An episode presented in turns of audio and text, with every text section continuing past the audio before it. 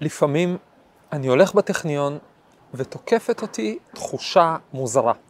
תחושה שעוד שנייה מישהו יעלה עליי. עוד שנייה מישהו יגלה שאני לא באמת מדען כמו כולם סביבי, שלא באמת מגיע לי להיות שם, שקיבלו אותי בטעות, עוד רגע עולים על הטעות ובועטים אותי החוצה. כשאני חושב על זה אובייקטיבית, אני לא בטוח שהתחושה הזאת נכונה. התקבלתי לטכניון כפרופסור בגיל 32, פרסמתי מאמרים, זכיתי במענקי מחקר, בפרסי הוראה, יש לי קבוצת מחקר שוקקת, בניתי מעבדה. אז למה לפעמים אני מרגיש מתחזה, רמאי? ומה עושים עם זה? היום נסתכל על מדעניות, על ממציאים, בשביל לבחון את הגישה הרגילה להתמודדות עם תסמונת המתחזה, ככה זה נקרא, ולעומתה על שני רעיונות חתרניים יותר, לא לבעלי לב חלש, שבהם ננסה להפוך את התחושה הזו למקפצה לצמיחה אישית. שלום לכם, תודה שהצטרפתם אליי לפודקאסט המדע מחפש משמעות. אני דוד אייזנברג, אני פרופסור לכימיה בטכניון, מבטיח. ובפודקאסט הזה מדברים על יצירתיות, פיתוח אישי, תובנות מעולמם של המדענים. היום נדבר על תסמונת המתחזה, או תסמונת המתחזה. מה עושים תכלס? לתחושה הזאת שדיברתי עליה, יש שם, תחושה של הצלחה אובייקטיבית מול אה, הרגשה של התחזות, השם נתבע על ידי שתי פסיכולוגיות שחקרו את זה בשנות ה-70, וקוראים לזה אימפוסטור סינדרום, או בעברית, תסמונת המתחזה. למה מתחזה בנקבה? למה לא תסמונת המתחזה?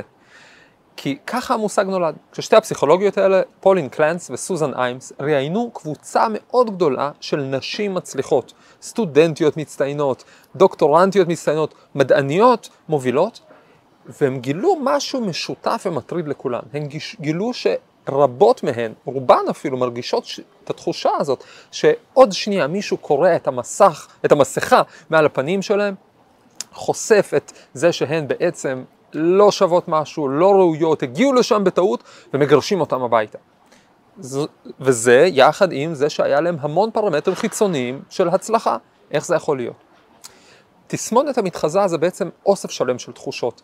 זו תחושה של אי התאמה, למרות שיש ראיות ברורות להצלחה. זו תחושה שכשמשבחים אותך ואת לא באמת מאמינה.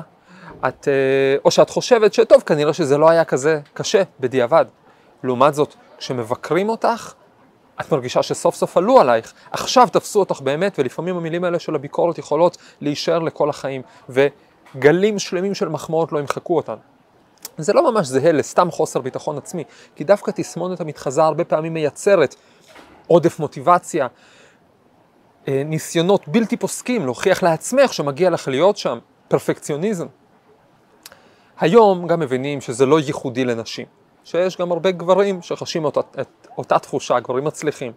אולי גברים יותר מתביישים לשתף פשוט. עכשיו, איך מתמודדים עם זה? הרי אף אחד לא רוצה לחיות בתחושה של סטרס, וגם לא בתחושה של זיוף. מה עושים? אז יש את העצות הרגילות. העצות הרגילות הן בגדול מתחום הפסיכולוגיה החיובית, זה מה שהם מייעצים לדוקטורנטיות למשל, שסובלות מזה. אה, תתגברי, תתבונני בעובדות, תראי שאת באמת מצליחה, את באמת מוכשרת, הגעת לפה בזכות ולא בחסד.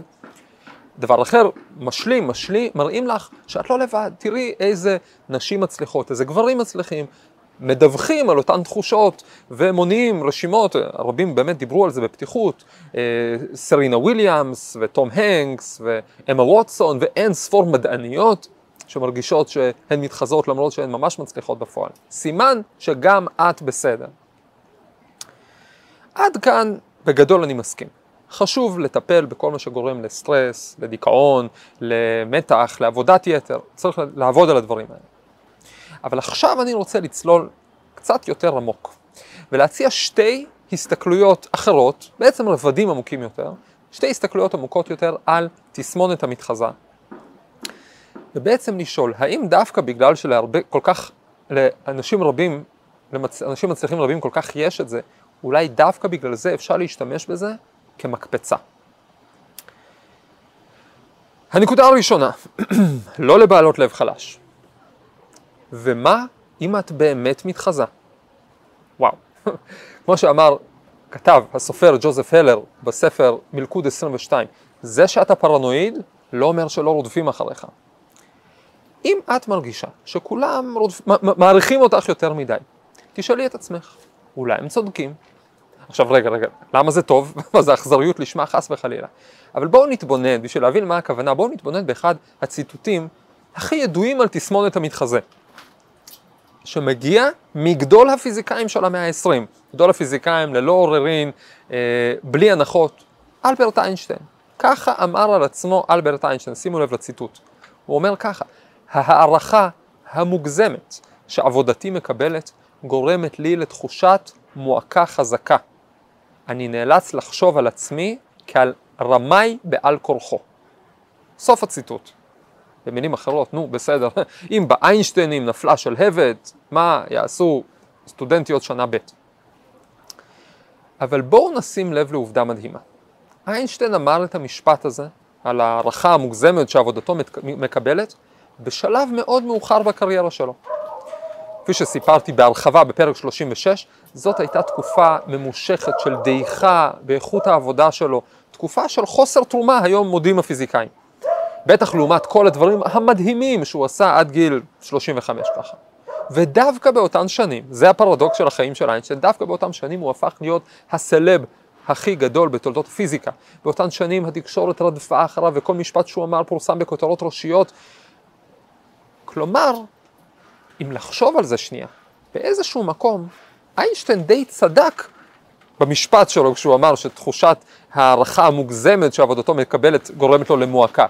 באותה תקופה הוא קיבל הערכה די מוגזמת ביחס למה שהוא הפיק בפועל. אפשר להבין את המועקה שלו. זה לא שחס וחלילה אלברט איינשטיין היה מתחזה לא באותה תקופה ולא בטוח בשום תקופה אחרת. הוא בטוח עשה את הכי טוב שלו. אבל אולי הוא היה יכול ללמוד משהו מהפער הזה. בין איך מעריכים אותו למה שהוא עושה, ולחשוב על, למשל, כיוונים אחרים, אני דן בזה בהרחבה באותו פרק על הגישה שלו למדע באותה תקופה ואיך היה אפשר לחשוב על גישות אחרות. אולי זה מה שהיה צריך ללמוד מתסמונת המתחזה באותו זמן. אולי, אם את מרגישה שמעריכים אותך יותר מדי, שהיית יכולה לעשות הרבה יותר, אולי זה נכון. אולי את לא בתחום שהכי מדויק לכישרונות שלך, אולי היית יכולה לעשות הרבה יותר. אי אפשר שבן אדם יטעה, שבן אדם יתחרט ויגיד, טוב, אני בתחום הזה, אני בסדר גמור, אבל אני יכול ללכת למקום אחר ולעשות עוד יותר טוב.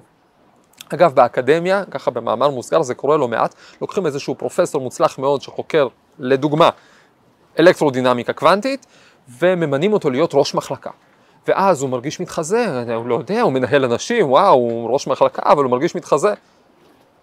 אולי אתה באמת מתחזה, אולי אתה לא טוב בניהול כמו שאתה טוב באלקטרודינמיקה קוונטית, אולי תחזור לדיאגרמות פיינמן ותביא הרבה יותר תועלת. זאת אומרת, שבקיצור, אם את מרגישה מתחזה, מי יודע, אולי היית יכולה לעשות הרבה יותר. אולי זאת קריאת התעוררות לקום ולעבור למקום טוב יותר בשבילך. כאן כמובן מגיעה השאלה השנייה. השאלה השנייה זה איך עושים את זה. בהנחה שעשיתי חשבון נפש אמיתי עם עצמי, גיליתי שהכישרונות שלי תואמים את מה שאני עושה, שיש לי הצלחות מוכחות בתחום שאני נמצא בפועל. למשל, סופרת ידועה שפרסמה עשרה ספרים מוצלחים מאוד, והיא בכל זאת מרגישה מתחזה. אוקיי, היא כנראה באמת מתאימה להיות סופרת. אז מה עושים עם תסמונת המתחזה הזאת? איך, איך מתמודדים עם הסטרס שהיא מייצרת? כאן נמצאת הגישה האחרת שאני רוצה להציע להתמודדות, כשאני הולך בטכניון עם אותה תחושה ומרגיש שכולם סביבי מדענים רציניים ורק אני ילד שקיבל את המפתחות לאוטו, אני אומר לעצמי, וואלה, יכול להיות שזה נכון. אבל לפחות כרגע, המפתחות של האוטו אצלי, ואני הולך ליהנות מכל רגע.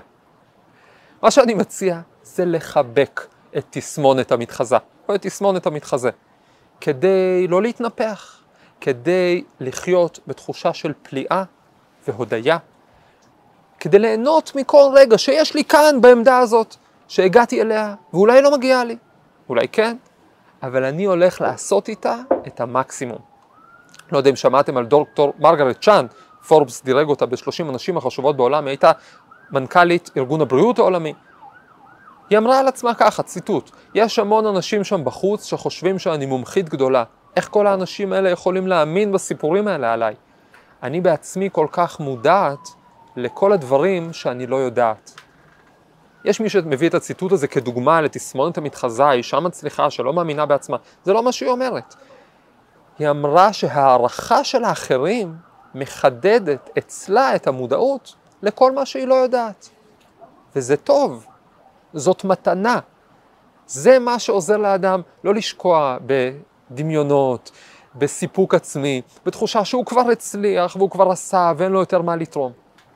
אגב, מי שרואה את הפרק הזה בווידאו, שם לב שהרקע מאחורי קצת שונה, אני נמצא בתוך סוכה, חג שמח, והאמת שזה בדיוק העניין של הסוכה. פעם בשנה לקלוט שאתה מתחזה, שהבית שלך הוא לא קבוע, שהדברים שלך על שידה רעועה, שבעצם אתה הומלס, שבמקרה יש לו בית.